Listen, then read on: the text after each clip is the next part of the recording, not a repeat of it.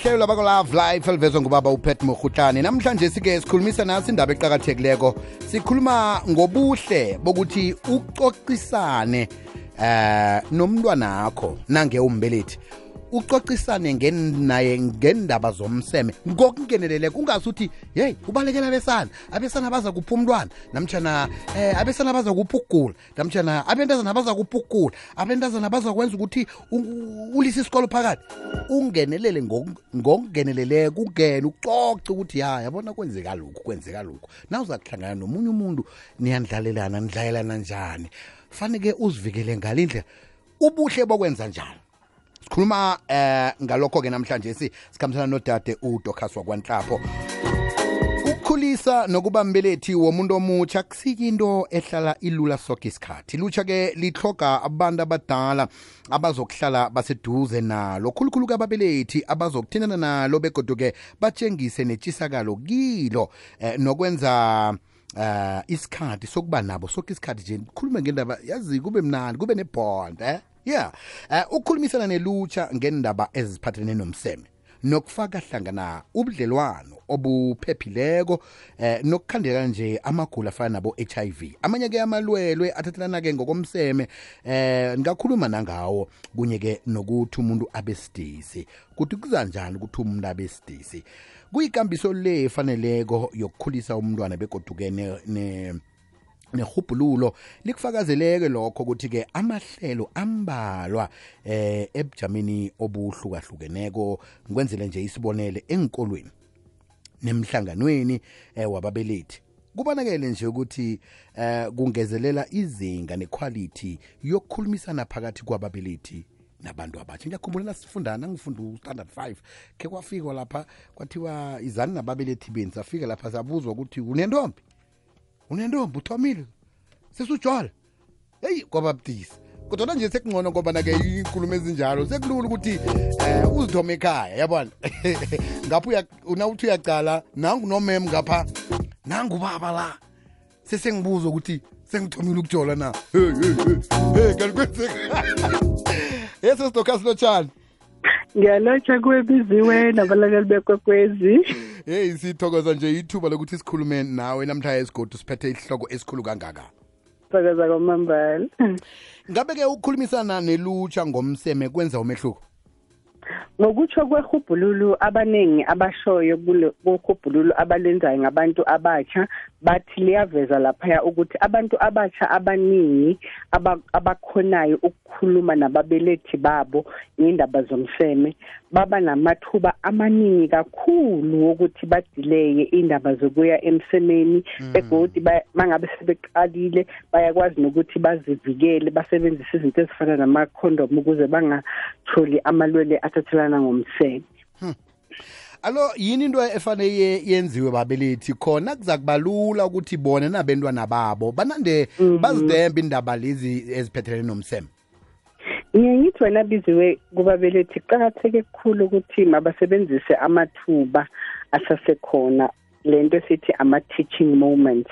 Ungalindi umntwana azabe mkhulu kakhulu sekengena seke bayi teenager njengoba usho ukuthi ka standard 5 sebayanibiza unentombi you know sekekhulile lapho umntwana and umntwana kuyamangaza ukuthi and then all of a sudden mase bengibuza you know angeke usifuthi uzolithola iqiniso emntwaneni.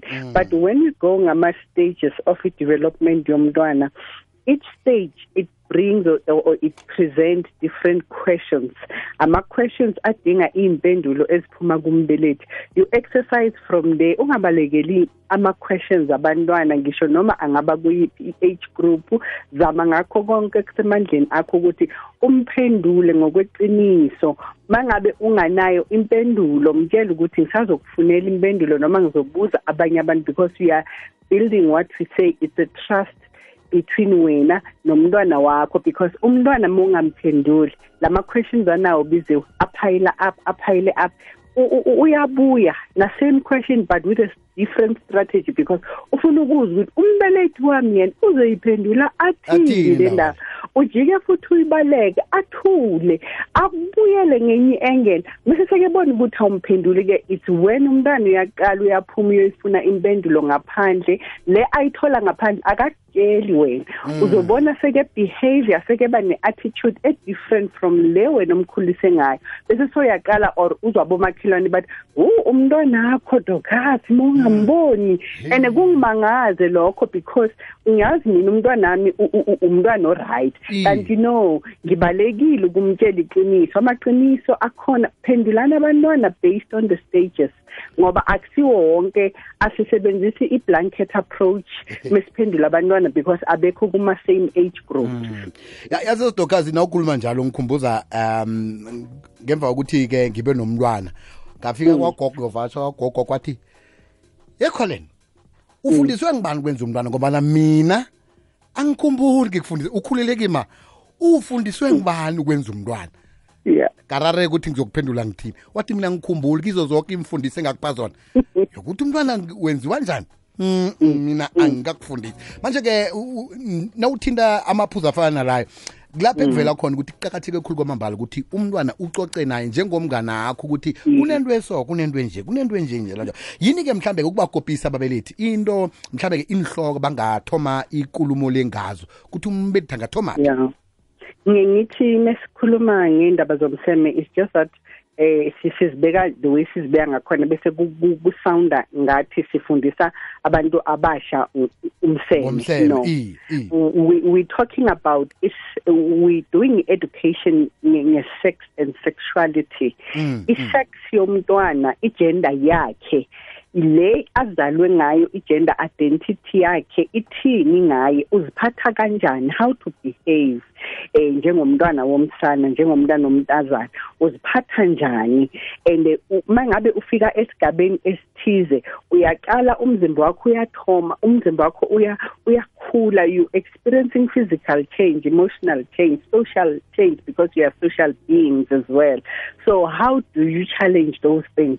Mawuphumela ngaphandle mangabe sokhuluma nabanye abakhozi bakho bazokutshela ngokuthi hey mina sengiyathandana wena uselele emuva bese wena ubonakala ngazathi wena awuhlakaniphanga that when ikupha the opportunity of ukuthi ube nezihloko zokuthi how to make good decisions for your life for your future njengomuntu lo musha i-dating ayina expiring date.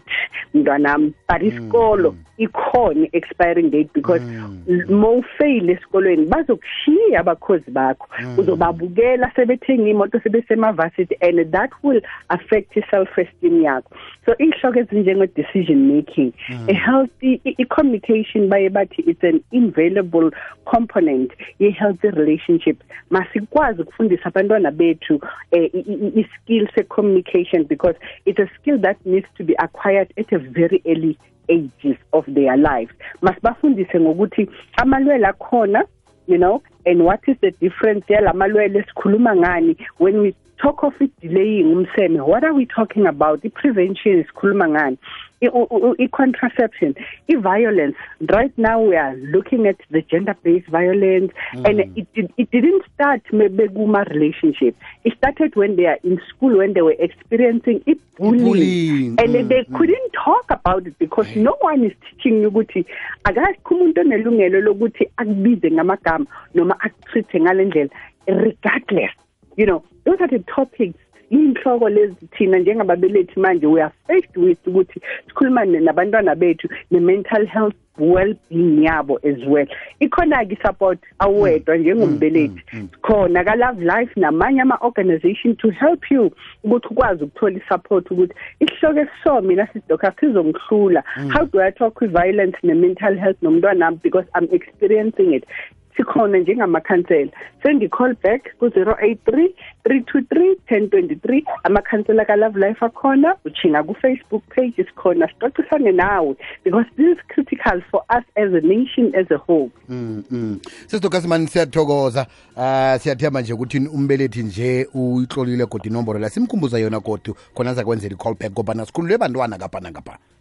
I-call back number yethu 083 323 1023 aha sesitokha siyathokoza sakhuluma kodwa ngomvulo zakho thokoza kwamambala nambiziwe ube nesuku oluhle kube njalo nangapho siyathokoza silibamba lapho-ke namhlanje si labakwa love life siyaphophotha kuba nje qobe ngomvulo ngalesi sikhathi ungamvumeli umntwana akho ukuthi athole ing- iinyeleliso ezingakafanele estradeni. Ngabe bekube ngcono athole iqiniso elivele ekhaya. Athi namtshana-ke alisa ayokuthatha iinqunde azithole esitradeni. Kibe wena umtshela iqiniso ukuthi iqiniso nandi